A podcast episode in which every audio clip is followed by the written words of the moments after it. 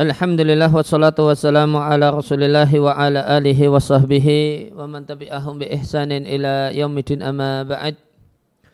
Kaum muslimin dan muslimah rahimani wa rahimakumullah kembali kita lanjutkan dalam tema kajian kita yaitu uh, bacaan kandungan bacaan salat dari kitab Fatul Alim karya Syekh Husain Alawayisha hafizallahu taala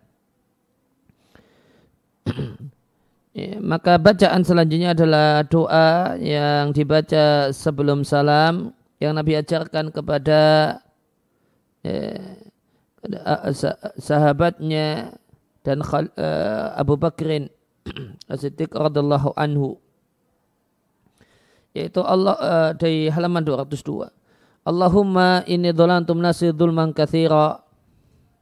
Ya Allah sesungguhnya aku zalim terhadap diriku dengan kezaliman yang banyak.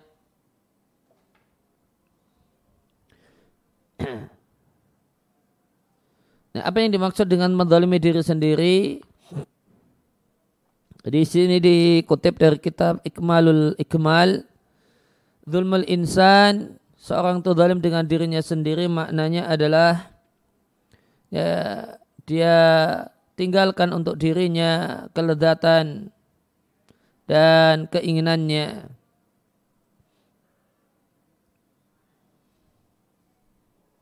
Dia biarkan dia biarkan dirinya dalam kelezatan dan apa yang jadi keinginannya.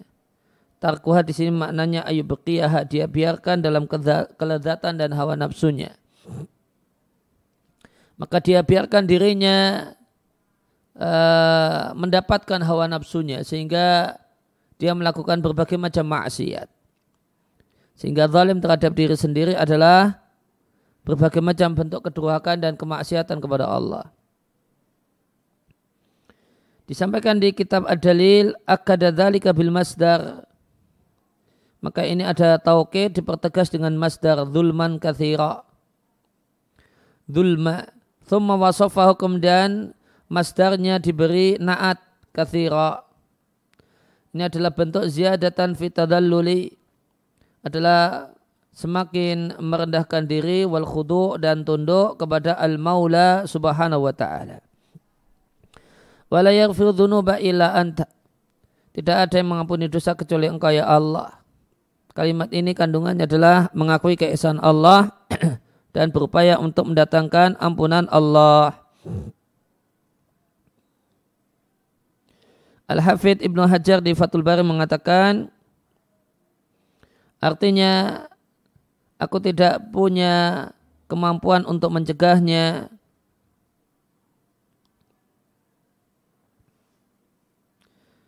Faya halatu iftikarin makin adalah kondisi sangat membutuhkan.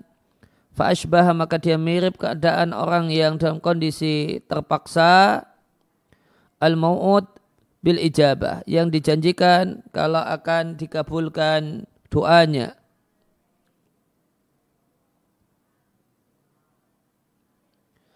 Farfir lima firatan min indika maka ampunilah dosa-dosaku dengan ampunan di sisimu. Di sisimu maknanya tafadulan mingka sebagai karunia darimu. Meskipun kami tidaklah layak untuk mendapatkannya. Demikian maknanya. Ya, wa illa karena maghfirah seluruhnya hanya datang dari Allah Subhanahu wa taala. Kemudian ini dipertegas dengan kalimat innaka antal ghafurur rahim. Yang engkau adalah zat yang maha pengampun lagi maha penyayang. Artinya eh, maka ampunan tersebut bukan karena aku berhak untuk mendapatkan ampunan.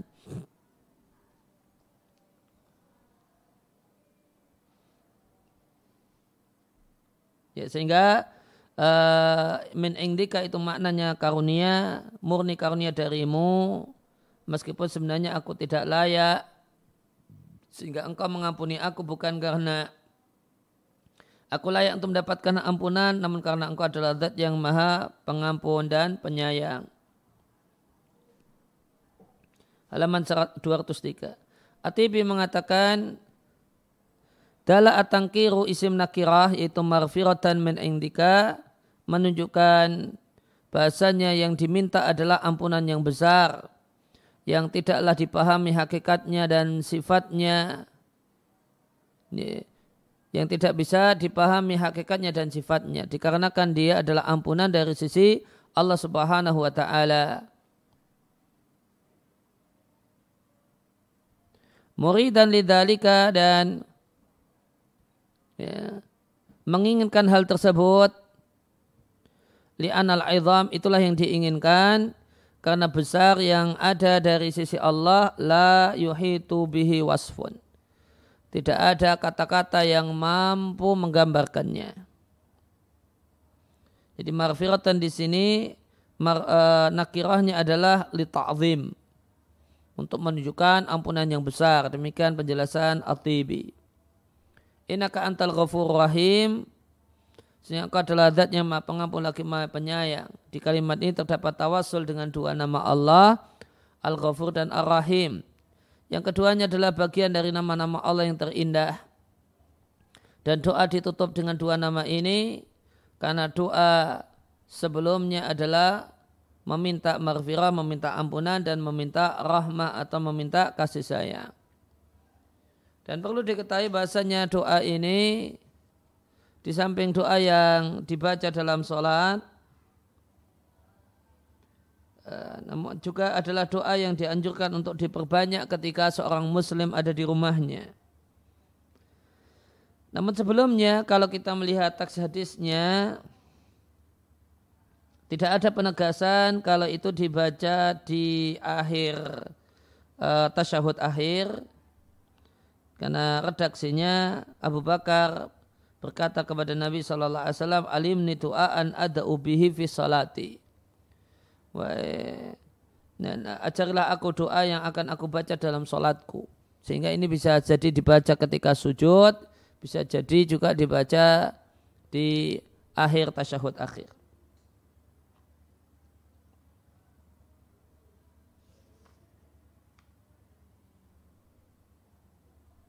Dan dalam salah satu riwayat Muslim terdapat tambahan wafi baiti dan yang akan aku baca di rumah.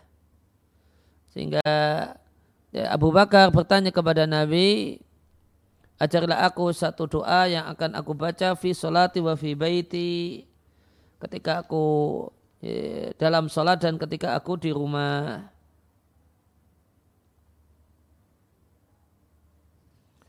Sehingga disebutlah bahasanya uh, doa ini disebut dengan doa ul buyut. Doa yang dibaca, yang selayaknya dibaca, diperbanyak dibaca ketika di rumah. Maka di samping ini dibaca ketika sholat, satu hal yang baik kalau ini diperbanyak untuk dibaca di di rumah. Dan ini akan yang akan jadi sebab ya, insya Allah akan jadi sebab uh, tersebarnya keberkahan dan kebaikan di satu rumah. Kemudian ya, doa selanjutnya Allahumma ini as'aluka minal khairi kullihi ajilihi wa ajilihi ma'alimtu minhu wa malam a'lam. Ya Allah aku minta kepadamu seluruh kebaikan yang segera ataupun yang tertunda yang aku ketahui dan yang tidak aku ketahui. Ya, bisa anwa'ihi berbagai macam semua macam-macamnya, semua bentuk-bentuknya. Ajil mengikuti wazan fa'il artinya kebalikan dari ajil. Ajil tertunda, ajil segera. Dan, dan biasanya ajil itu maknanya dunia dan ajil tertunda adalah akhirat. Wa a'udzubika min syarri kullihi ajilihi wa ajilihi ma alimtu minhu wa ma lam a'lam. Wa as'aluka al-jannata wa ma ilah min qawlin wa au amalin. Aku mohon kepadamu surga dan semua ucapan dan perbuatan yang mendekatkan ke surga. Artinya aku mohon kepadamu agar engkau membuat aku cinta dengan membuat aku suka dengan semua ucapan dan perbuatan yang akan mendekatkanku ke surga. Kata Syekh Husain Al-Awisya kata penulis di halaman 204 dan ini berkonsekuensi menuntut ilmu. Ya, berarti minta kepada Allah agar diberi kemudahan menuntut ilmu. Ya, tujuannya untuk mengetahui ucapan dan perbuatan yang akan memasukkan ke surga. Demikian juga yang masukkan ke neraka.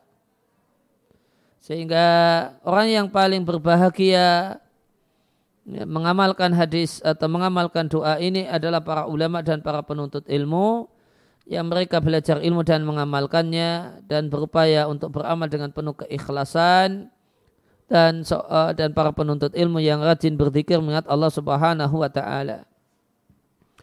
Wa a'udzubika minan nar wa maqarraba ilah min qaulin wa amal. Aku berlindung kepadamu dari neraka dan semua ucapan dan perbuatan yang mendekatkan ke neraka. Kata Hulaimi atau Al-Halimi, ini adalah jawab bagian dari jawami kalim, kalimat yang ringkas syarat makna yang pemilik syariat menganjurkan berdoa dengan uh, semacam ini. Karena jika seorang berdoa dengannya, maka sungguh dia telah meminta kepada Allah segala kebaikan dan berlindung ya, kepada Allah dari segala kejelekan.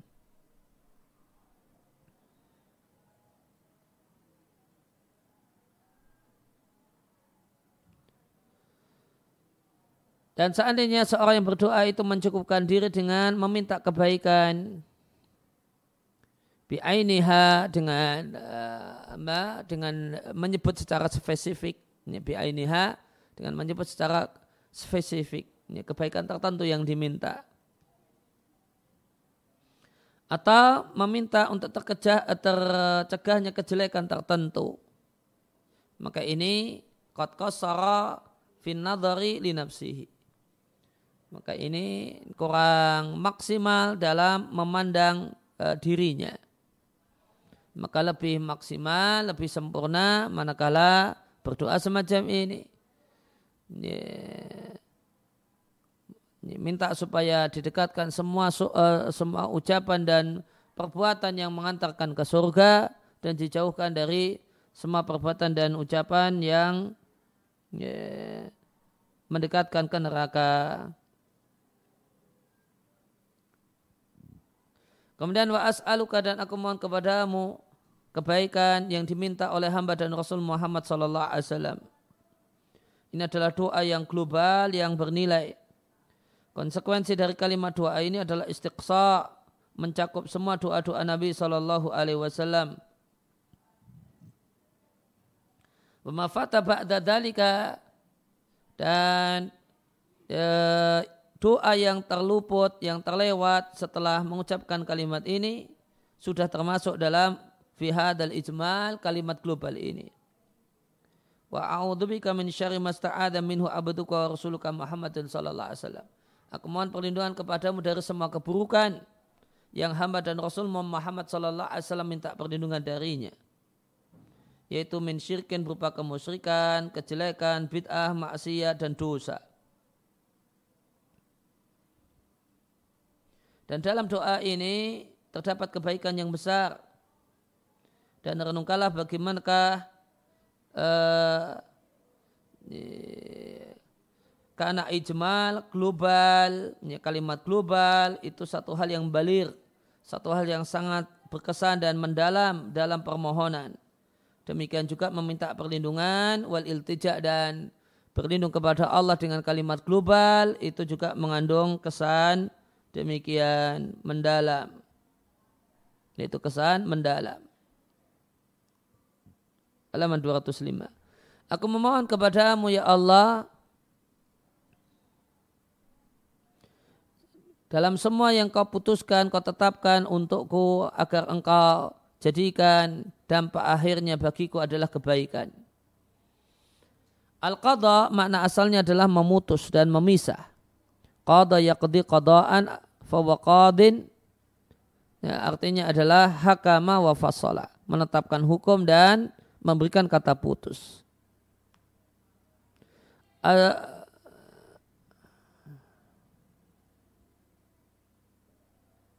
Azuri mengatakan qada dalam bahasa Arab ala wujuhin memiliki beberapa pengertian. Marji'uha intinya adalah ingkitau syai terputusnya sesuatu dan sempurnanya sesuatu.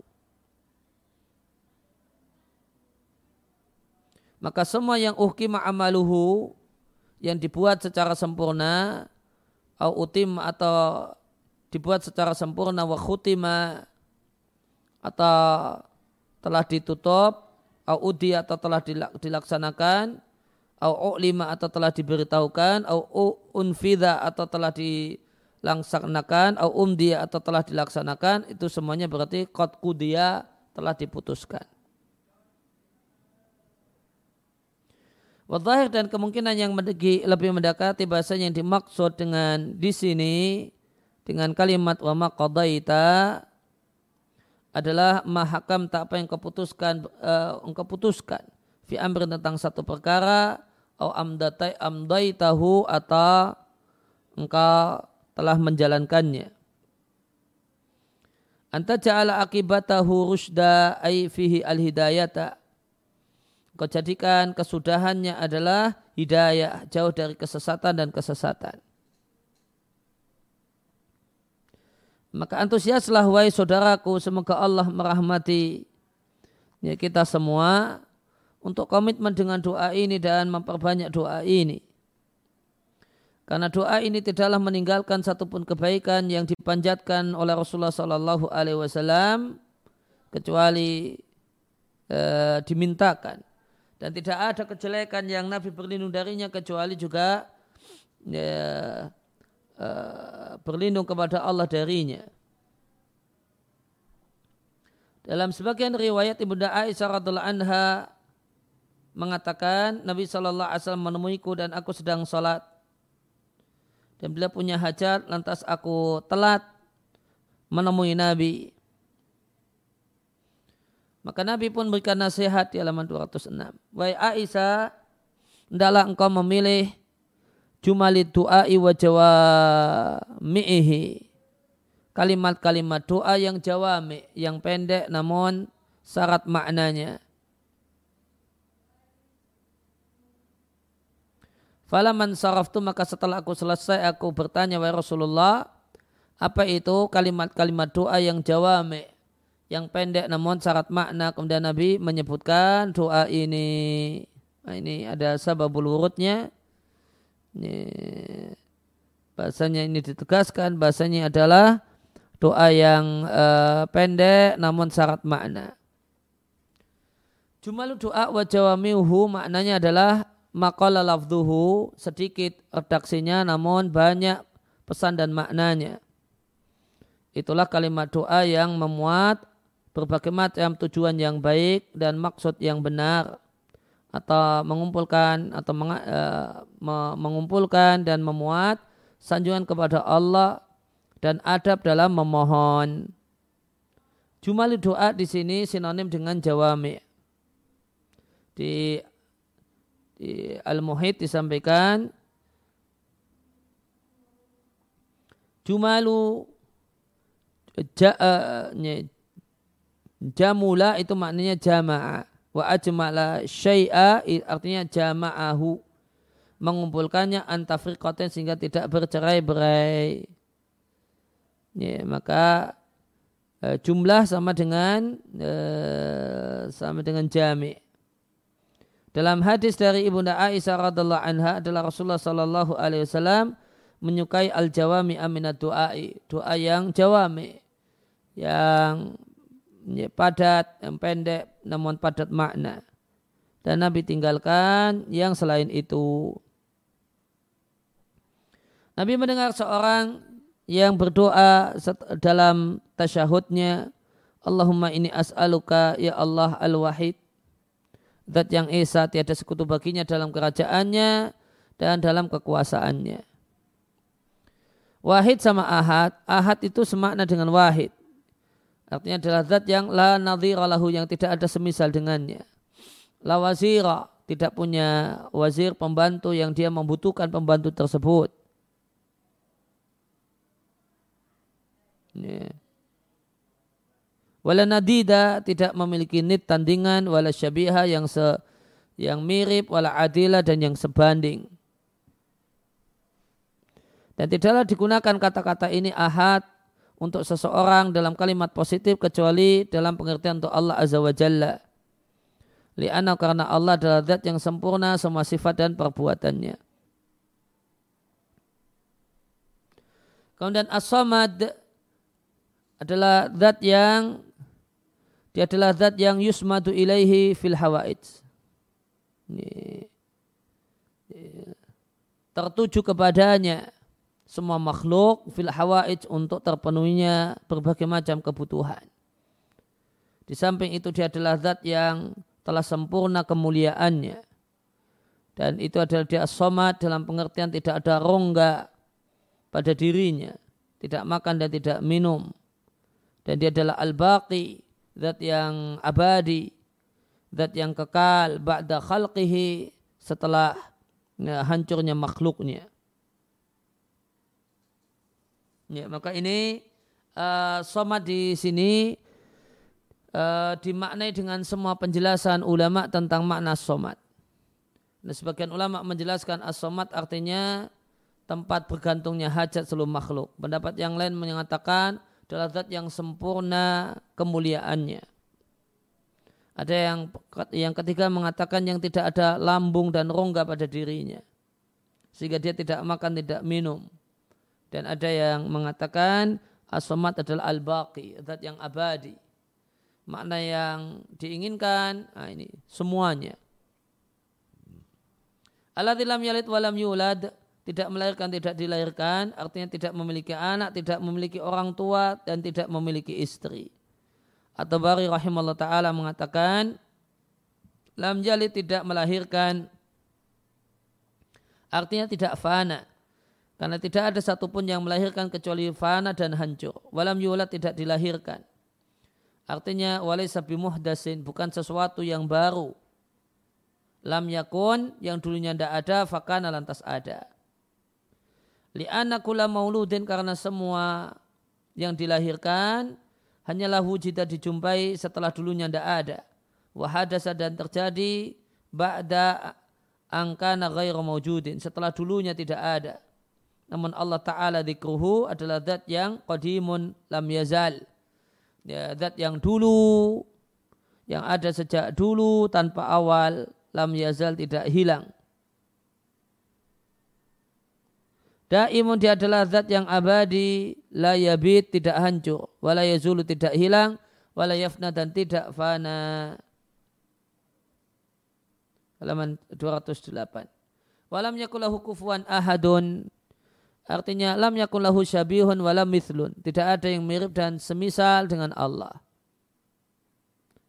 Ya, sebagian ahli tafsir mengatakan walam yakulahu kufuan ahad artinya tidak memiliki istri penulis ya, uh, Fatul Ali mengatakan dua penjelasan ini benar.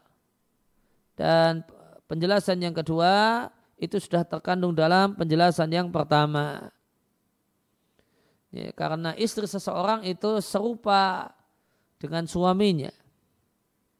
Maka ketika tidak maka dikatakan tidak ada yang semisal tidak mirip ada mirip dengan uh, dengan Allah maka Artinya ya, di antara maknanya ya, dia tidak memiliki istri. Ibnu Kathir mengatakan uh, mengutip pernyataan Mujahid walam yakulau kufuan ahad artinya tidak memiliki istri. Wahada dan ini sebagaimana firman Allah Ta'ala badi'us samawati wal ard Allah adalah pencipta langit dan bumi ana yakunu lahu walad Bagaimanakah mungkin Allah itu punya anak walam takullahu sahibah padahal Allah tidak punya istri. Wa syai' dan Allah adalah pencipta segala sesuatu. Artinya huwa dia Allah adalah pemilik segala sesuatu dan penciptanya. Maka bagaimanakah mungkin di antara makhluknya ada yang min nadirin yang semisal yusamihi yang setara dengan Allah au qaribin atau sesuatu yang dekat yang menyaingi Allah taala menyaingi Allah Maha tinggi Allah, Maha suci dan Maha suci. Agar engkau ampuni dosa-dosaku karena sesungguhnya engkau adalah Maha pengampun lagi Maha penyayang. Maka dalam kalimat doa ini terdapat tawasul meminta marfirah, ampunan dengan menyebut dua nama Allah, Al-Ghafur dan Ar-Rahim. Allah ya Allah ini as'aluka aku mohon kepadamu bi'anal kalhamdu hanya bagimu segala puji Jer di sini diletakkan, jer majrur diletakkan di depan lil ikhtisas untuk menunjukkan kekhususan dan hanya. La ilaha illa anta artinya tidak ada sesembahan yang berat disembah melainkan engkau. Dan Allah Ta'ala berfirman tentang dinun, tentang Nabi Yunus alaihi salam di halaman 209. Fanada fi di kegelapan perut ikan Nabi Yunus berseru dan berdoa. La ilaha illa anta subhanaka inni kuntum minadh zalimin. Fastajabna lahu maka kami ijabai doanya dan kami selamatkan dia dari kesusahan dan demikianlah kami selamatkan orang-orang yang beriman. Dan Nabi SAW menyampaikan dan doa dinun. Doa Nabi Yunus ketika idda abiha yang beliau berdoa dengannya ketika beliau ada di perut ikan. La ilaha illa anta subhanaka inni kuntum minal zalimin. Tidaklah ada seorang muslim yang berdoa dengannya. Fi syai'in qattu dalam uh, satu hal dan satu masalah dalam masalah apa pun kecuali Allah akan mengabulkannya. La ilaha illa anta subhanaka inni kuntum minal zalimin. La ilaha illa anta wahdaka la syarika laka. Semata engkau tiada sekutu bagimu al-manan. Al-manan artinya yang banyak memberi. Dari kata-kata minnah artinya nikmat kebaikan.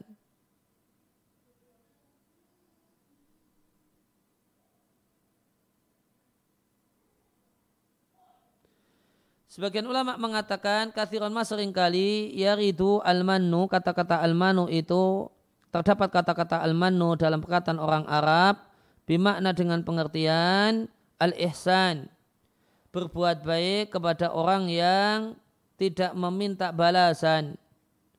Wala yatlubul jazaa'a alaih dan tidak meminta balasan karenanya. Dan al-manan di halaman 210 adalah di antara bentuk hiperbol semacam wahab. Ya, dan perlu juga diketahui bahasanya ada juga ulama yang menjelaskan semacam An-Nawawi di At-Tibyan fi Adab Hamalatil Quran, Al-Manan artinya zat yang memberi tanpa diminta.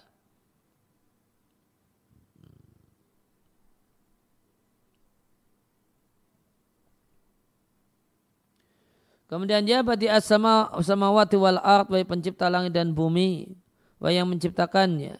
Wal mubdi maknanya munsyi yang menciptakan, al muhdis yang menciptakan. Menciptakan masa sesuatu yang lam yasbiqhu ila insa'i mithlihi wa ihdasihi ahadun. Yang tidak didahului dalam penciptaan yang semisal dan pengadaannya tidak didahului oleh siapa pun. Oleh karena itu, pembuat kreasi dalam agama disebut mubtadi karena dia mengada-ada dalam agama ya, sesuatu yang tidak ada orang yang lain yang mendahuluinya. Demikian juga semua orang yang mengadakan satu ucapan dan perbuatan yang tidak didahului oleh orang yang mendahului Orang Arab menyebutnya dengan mubtadi' Artinya yang menciptakan langit dan bumi tanpa ada contoh sebelumnya. Sehingga makna badi usamawati wal ard artinya memiliki semua yang di langit dan di bumi. Wa lahu jami'an dan semua yang di langit dan di bumi itu memberikan persaksian. Bidalalati alaihi yaitu menunjukkan biwahdaniyah keesaannya. Wa tuqirulahu ta'ati dan mengakui eh, dan mengikrarkan ketaatan kepadanya Allah Subhanahu wa taala, mengakui keesaan Allah dan mengikrarkan ketaatan pada Allah. Wa dan dia Allah adalah penciptanya dan penciptanya. Wa mujiduha dan yang menciptakan langit dan bumi min ghairi aslin tanpa ada uh, min ghairi aslin wala mithalin tanpa ada dasar dan tanpa ada contoh sebelumnya yang diikuti ihtadaha ila alaihi yang yang diikuti. Ya dal jalali wal ikram wa yang memiliki kemuliaan dan yang keagungan dan kemuliaan. Wa pemilik keagungan dan kebesaran wal majd dan keagungan yang dia diagungkan dan dimuliakan karenanya. Dan al-ikram adalah al-ikram di sini maknanya adalah sa'atul fadli zat yang luas karunianya dan kedermawanannya yang memuliakan para kekasihnya dan makhluknya yang istimewa dengan berbagai macam bentuk pemuliaan yang dia gunakan untuk memuliakan para kekasihnya yujillunahu dan dia memuliakan kekasihnya yu'adzibunahu dia muliakan uh, uh, yukrimuhu awliya'ahu.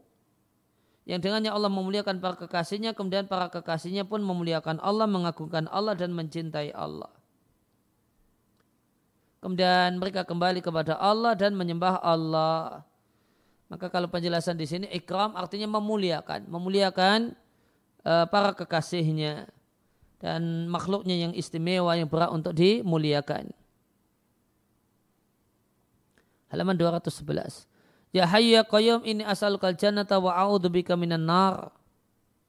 Al hayyu al qayyum al hayyu fi nafsihi zat yang hidup yang tidak akan mati abadan selamanya ini al-qayyum al-muqimu li ghairihi. Zat yang ngurusi yang lain. Ya, kalau Umar membaca al-qayyum dengan al-qayyam. Artinya semua makhluk yang ada itu membutuhkan Allah. Dan Allah tidak membutuhkan mereka semua. Laha biduni amri. Maka tidak tegaklah urusan makhluk tanpa Allah subhanahu wa ta'ala. Sebagaimana firman Allah Ta'ala di antara ayat kekuasaan Allah, tegaknya langit dan bumi dengan perintahnya. Ibnu Sa'di rahimahullah ta'ala menjelaskan hayu dan qayyum. Ini adalah dua nama yang mulia yang menunjukkan uh, nama-nama indah yang lainnya. Menunjukkan nama-nama indah yang lainnya dengan metode uh, dalalah mutabakah, pemahaman utuh, Eh, atau tadamunan atau pemahaman parsial waluzuman atau uh, pemahaman dengan melihat uh, konsekuensinya. Maka zat yang al-hayu adalah zat yang memiliki kehidupan yang sempurna yang ini uh, mengharuskan semua yang semua sifat-sifat zat Allah Subhanahu wa taala semacam mendengar, melihat, mengetahui, berkuasa dan semacam itu. Qayyum adalah zat yang qoma binafsihi yang mengurusi dirinya sendiri wa qoma dan mengurusi yang lain yaitu makhluknya. Dan ini e, berkonsekuensi semua perbuatan Allah, perbuatan yang menjadi sifat Allah Rabb semesta alam. Min fi'lihi ma yasha' berupa perbuatan-perbuatan apa saja yang Allah kehendaki semacam berada di atas ars turun ke langit dunia berbicara dan berkata-kata mencipta memberi rezeki mematikan dan menghidupkan dan semua bentuk ya, mengatur alam semesta. Semuanya tercakup dalam nama Allah Qayyum. Ya, sifat Allah Qayyumiyah Al-Bari Allah Subhanahu wa taala. Ya, maka sifat Allah ada dua macam, sifat zat dan sifat perbuatan. Sifat zat itu adalah sifat yang melekat pada zat Allah Subhanahu wa taala sejak dulu tanpa awal. Semacam melihat, mendengar dan seterusnya. Maka al-hayu itu terkandung dalam al-hayu semua sifat zat. Sedangkan semua perbuatan Allah itu tercakup dalam al-qayyum sehingga Al-Hayyu Al-Qayyum itu mencakup semua nama dan sifat Allah Subhanahu wa taala. Tadi disampaikan yadulani kata sesadi yadulani ala sairil asma'il husna. Al-Hayyu Al-Qayyum itu menunjukkan dan memuat semua nama Allah Subhanahu wa taala.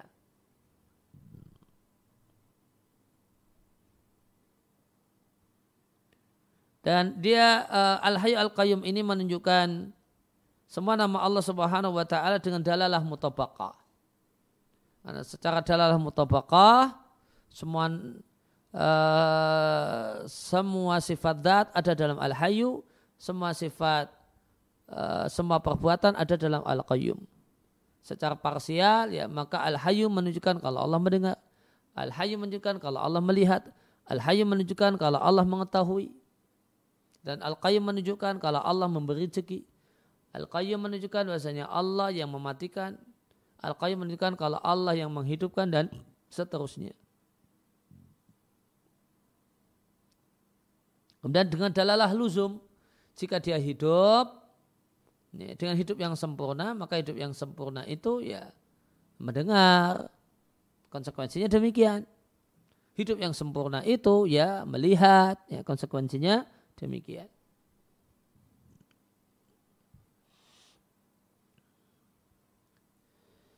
Halaman 212. Wakala rahimullah dan saya Ibn Sa'di mengatakan di tafsir surat Ali Imran Al-Qayyum adalah zat yang mengurusi dirinya sendiri sehingga dia tidak memerlukan semua makhluk. Kemudian waqama birairi mengurusi yang lainnya yaitu mengurusi makhluk sehingga semua makhluk membutuhkannya. Semua makhluk membutuhkan Allah fil ijad supaya terwujud wal i'dad dan supaya disiapkan sehingga tercipta uh, disiapkan berbagai macam fasilitas wal imdad dan diberi berbagai macam bantuan. Maka dia Allah zat yang koma bitadbir mengatur seluruh makhluknya dan mengatur seluruh makhluknya.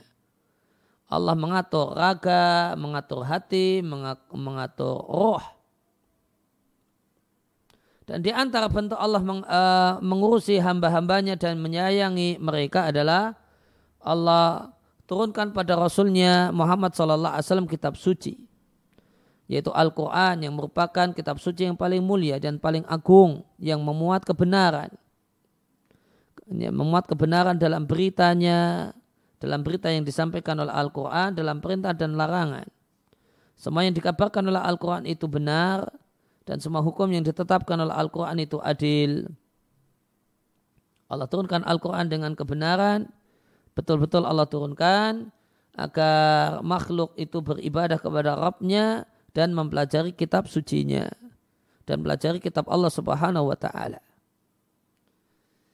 Kemudian ya Allah, Allah maghfir lima qaddamtu. Ya Allah ampunilah dosa-dosaku yang terdahulu sebelum waktu ini. Dan yang aku akhirkan setelah waktu ini. Yang kulakukan secara sembunyi-sembunyi dan ataupun yang terang-terangan. Akhfa itu yang aku sembunyikan wa athartu dan yang aku lakukan terang-terangan. Atau yang aku sembunyikan maknanya mahadastu binafsi.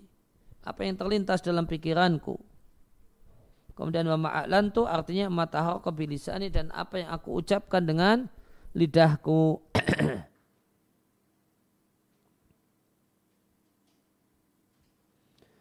Kemudian di halaman 213 wa ma asraftu al israf artinya al ikthar minadz memperbanyak dosa dan kesalahan wal ihtiqabil al auzar wal atham dan melakukan berbagai macam dosa dan dosa.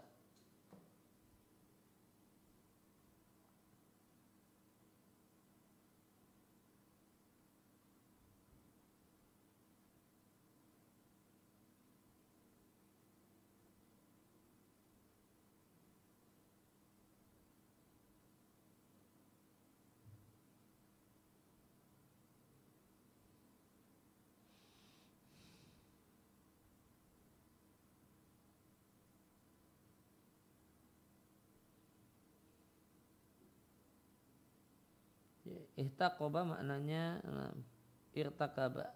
Nah, melakukan.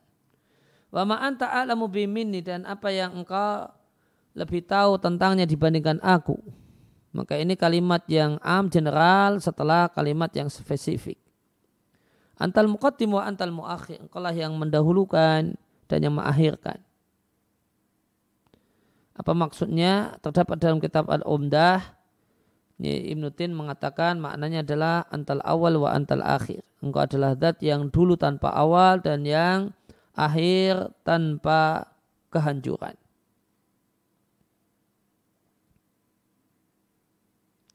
Sedangkan uh, eh, ini pendapat pertama, kemudian penjelasan yang kedua dari Ibnu Battal, yakni artinya anna husnya Allah qaddama mendahulukan dalam fil ba'si ila nasi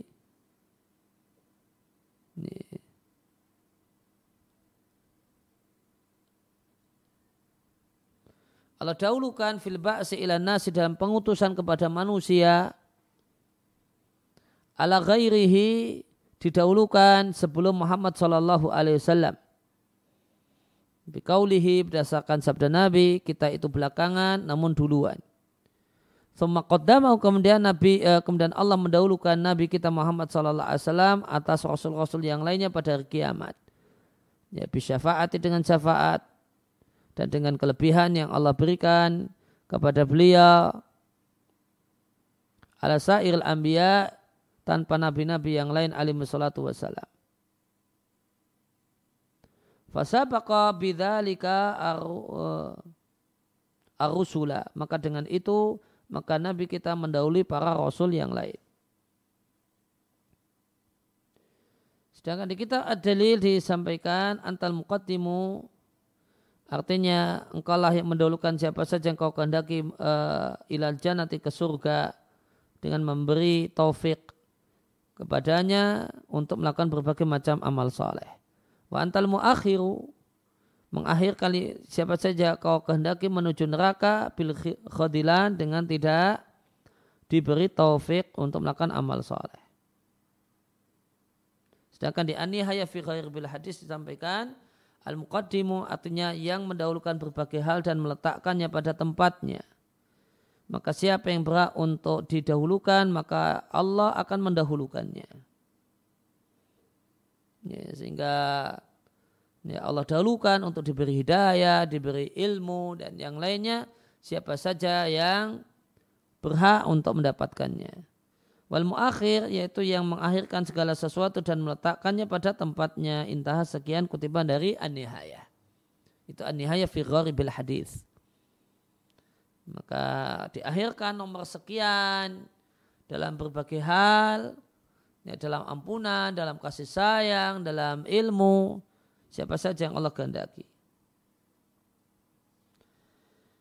Uh, penulis mengatakan aku tanyakan pada Al Albani rahimahullah taala amma taqaddama min aqwalin tentang pendapat-pendapat yang telah lewat. Maka Al Albani mengatakan ya bedu anal kalam alladhi ja'a fi nihayati huwa nihayah. Nampaknya penjelasan yang ada dalam kitab Nihayah itulah an-nihayah, itulah itulah itulah yang akhir. Ya, itulah yang nihaya, itulah yang itulah yang tepat. Ya, yaitu meletakkan mendahulukan segala sesuatu sehingga diletakkan pada tempatnya. Oh, tempatnya dahulu, maka dia pun letaknya dahulu. Muakhir Ya, dia dia mengakhirkan segala sesuatu. Dia menilai bahasanya yang tepat dia letaknya di akhir nomor sekian. Ya, ini kata Al Albani ini penjelasan yang paling tepat. La ilaha illa anta di halaman 214 tiada sembah yang berat disembah melainkan engkau. Uh, makna la ilaha illa anta ini taqaddama telah lewat. Berta'amal dan renungkanlah berulang-ulangnya kalimat taibah ini la ilaha illallah di berbagai macam doa. Fi mawatina adidatin dan di berbagai macam kesempatan. Maka kewajiban kita untuk merenungkan kandungannya dan maknanya. Dan kita memahami maksudnya wa marmaha dan maksudnya. Lantas kita mengamalkan konsekuensinya. Supaya kita menjadi orang yang beruntung fidarain di dunia dan di akhirat dengan izin Allah Ta'ala ya, mulahadat catatan telah lewat uh, penjelasan untuk doa yang atau bacaan yang semisal fi doa istiftah di pembahasan doa istiftah. Ya. Kemudian di uh, halaman 215 tentang bacaan atau ucapan salam adalah Rasulullah Shallallahu Alaihi Wasallam mengucapkan salam ke, ke ke sebelah kanan Assalamualaikum warahmatullah sehingga terlihatlah putihnya pipi kanan beliau dan mengucapkan salam ke arah kiri dengan mengucapkan assalamualaikum warahmatullah sehingga terlihat putihnya pipi beliau yang kiri.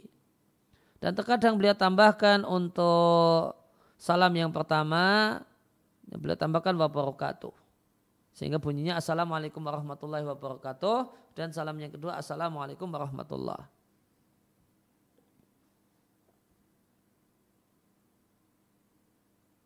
Bahkan ada adalah Nabi jika beliau uh, mengatakan ke arah kanan Assalamualaikum warahmatullah maka iktasara ahyanan. Terkadang beliau mencukupkan diri untuk salam ke kiri dengan Assalamualaikum.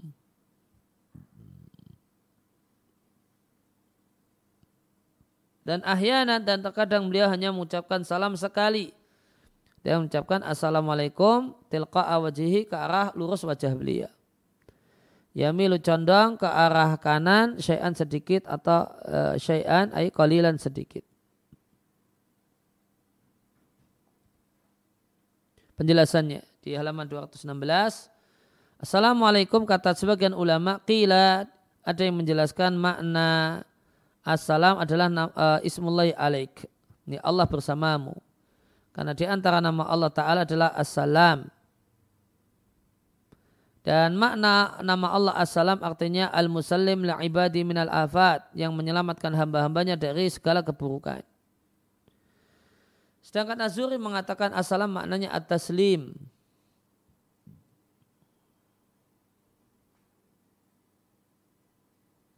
Ya, memberikan keselamatan. Dan siapa yang Allah berikan keselamatan untuknya, maka dia akan selamat dari segala macam keburukan seluruhnya.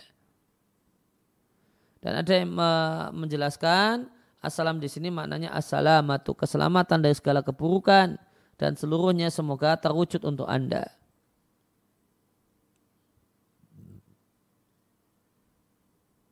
Ya, maka ada ada tiga penjelasan.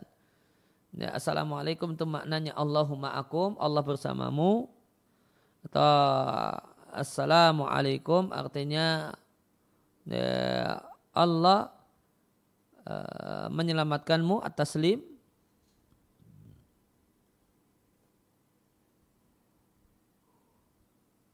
atau di situ maknanya salamah yaitu yang paling sering kita uh, yang terpakai dalam penerjemahan di tempat kita assalamualaikum maknanya adalah assalamatu alaikum keselamatan untukmu warahmatullahi wabarakatuhu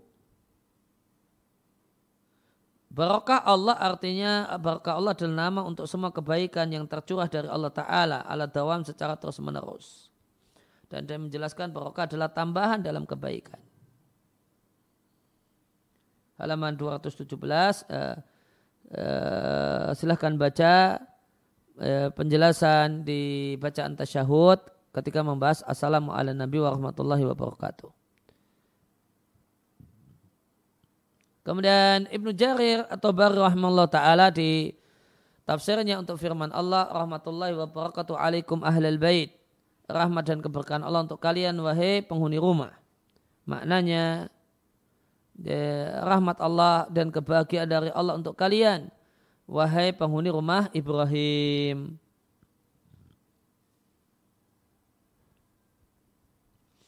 dan 218 penutup al-khatimah penutup hada akhir ma tayassara li katbuhu fi hadal maudu'i inilah uh, bagian akhir dari yang memungkinkan bagiku untuk aku tulis dalam tema ini yaitu tema uh, bacaan salat atau makna bacaan salat aku memohon kepada Allah taala agar buku ini menjadi sarana li'isani salati agar aku bisa memperbaiki salatku. Demikian juga wa abna'il Islam uh, generasi muda kaum muslimin.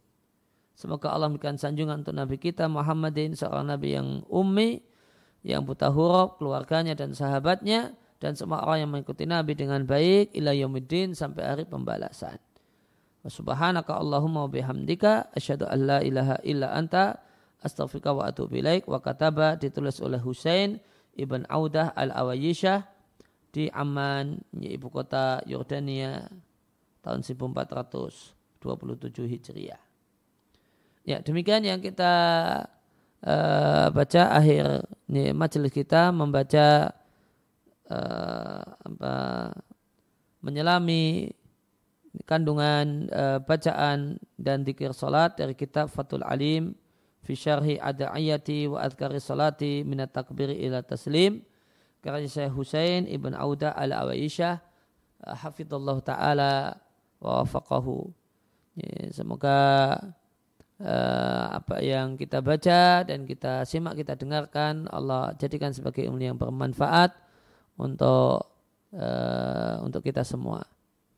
Ya, Allahumma alimna ma yanfa'una wa fa'na bima 'allamtana wa zidna ilma wa sallallahu ala nabiyyina Muhammadin wa ala alihi wa sahbihi wa sallam wa arda'ana alhamdulillahi rabbil alamin. Hmm?